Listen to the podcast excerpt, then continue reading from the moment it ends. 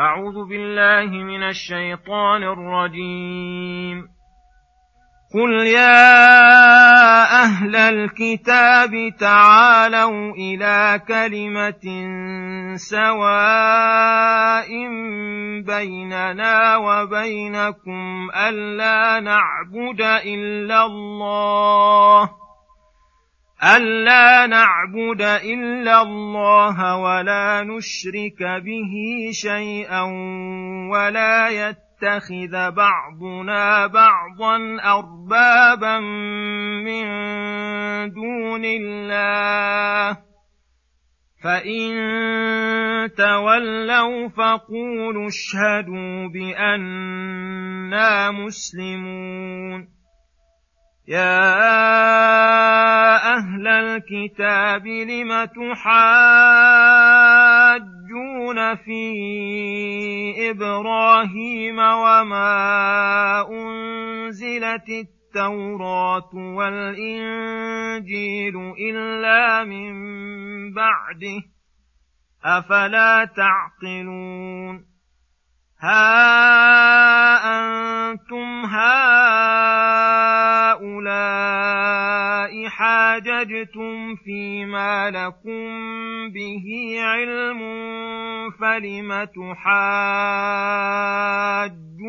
فيما ليس لكم به علم؟ والله يعلم وأنتم لا تعلمون. ما كان إبراهيم يهوديا ولا نصرانيا ولكن كان حنيفا مسلما وما كان من المشركين ان اولى الناس بابراهيم للذين اتبعوه وهذا النبي والذين آمنوا والله ولي المؤمنين ودت طائفة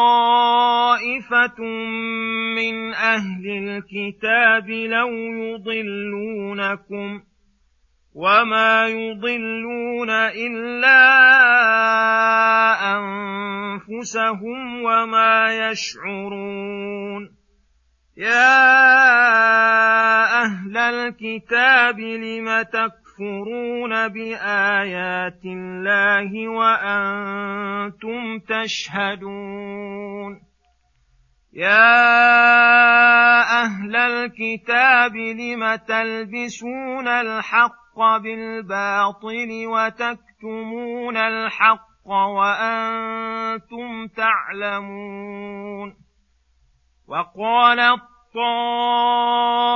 طائفة من أهل الكتاب آمنوا بالذي أنزل على الذين آمنوا وجه النهار واكفروا آخره لعلهم يرجعون. ولا تؤمنوا إلا لمن تبع دينكم. قل إن الهدى هدى الله أن يؤتى أحد مثل ما أوتيتم أو يحاجوكم عند ربكم ۖ قل إن الفضل بيد الله يؤتيه من يشاء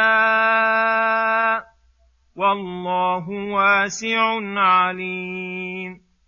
يختص برحمته من يشاء والله ذو الفضل العظيم.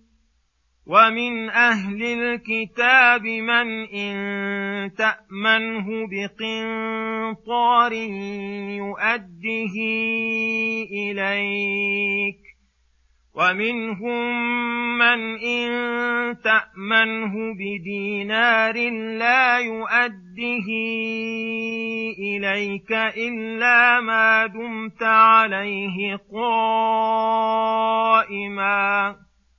ذلك بانهم قالوا ليس علينا في الاميين سبيل ويقولون على الله الكذب وهم يعلمون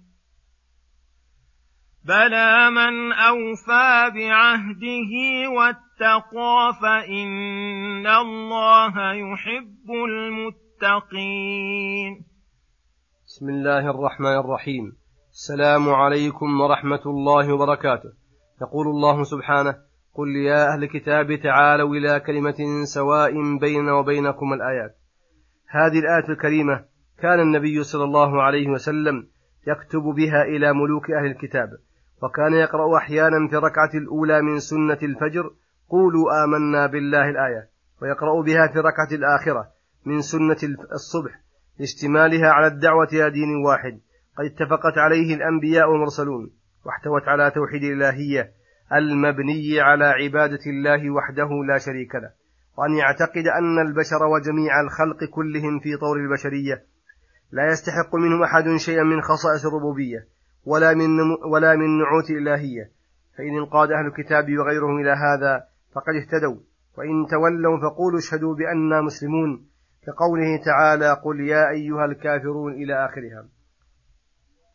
ثم يقول سبحانه يا أهل الكتاب لم تحاجون في إبراهيم وما أنزلت التوراة والإنجيل إلا من بعده أفلا تعقلون.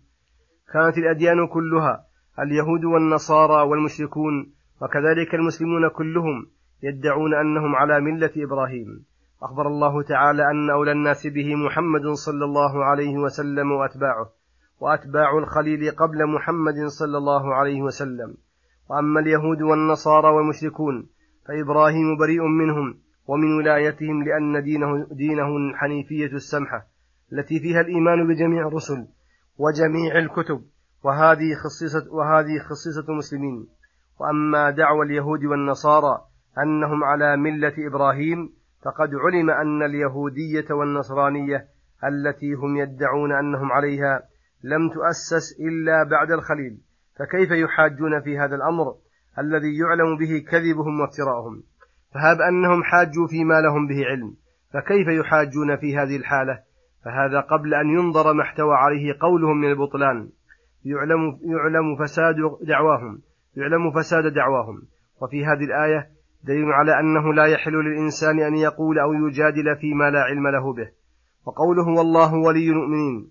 فكلما قوي إيمان العبد تولاه الله بلطفه ويسره لليسرى وجنبه العسرى.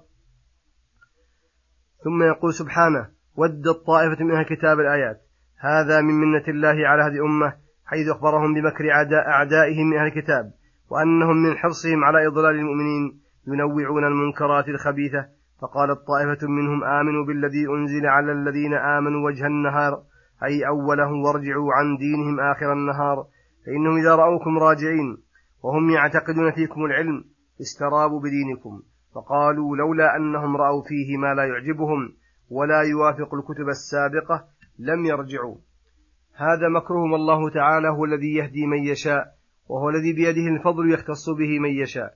فخصكم يا هذه الأمة بما لم يخص به غيركم ولم يدري هؤلاء الماكرون أن دين الله حق إذا وصلت حقيقة إلى القلوب لم يزدد صاحبه على طول المدى إلا إيمانا ويقينا ولم تزده الشبه إلا تمسكا بدينه وحمدا لله وثناء عليه حيث من به عليه.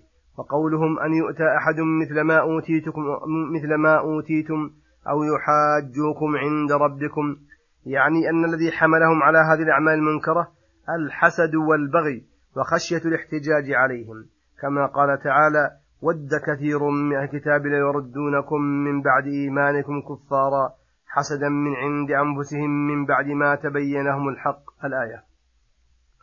ثم يخبر تعالى عن أهل الكتاب أن منهم طائفة أمناء بحيث لو أمنته على قناطير من النقود وهي المال الكثير يؤديه إليك. منهم طائفة خونة يخونك في أقل القليل. ومع هذه الخيانة الشنيعة فإنهم يتأولون بالأعذار الباطلة فيقولون ليس لنا في الأميين سبيل. أي ليس علينا جناح إذا خناهم واستبحنا أموالهم لأنهم لا حرمة لهم. قال تعالى ويقولون على الله الكذب وهم يعلمون أن عليهم أشد الحرج. فجمعوا بين الخيانة وبين احتقار العرب وبين الكذب على الله وهم يعلمون ذلك. ليسوا كمن فعل ذلك جهلا وضلالا. ثم قال تعالى بلى. أي ليس الأمر كما قالوا فإنه من أوفى بعهده واتقى أي قام بحقوق الله وحقوق خلقه فإن هذا هو المتقي والله يحبه.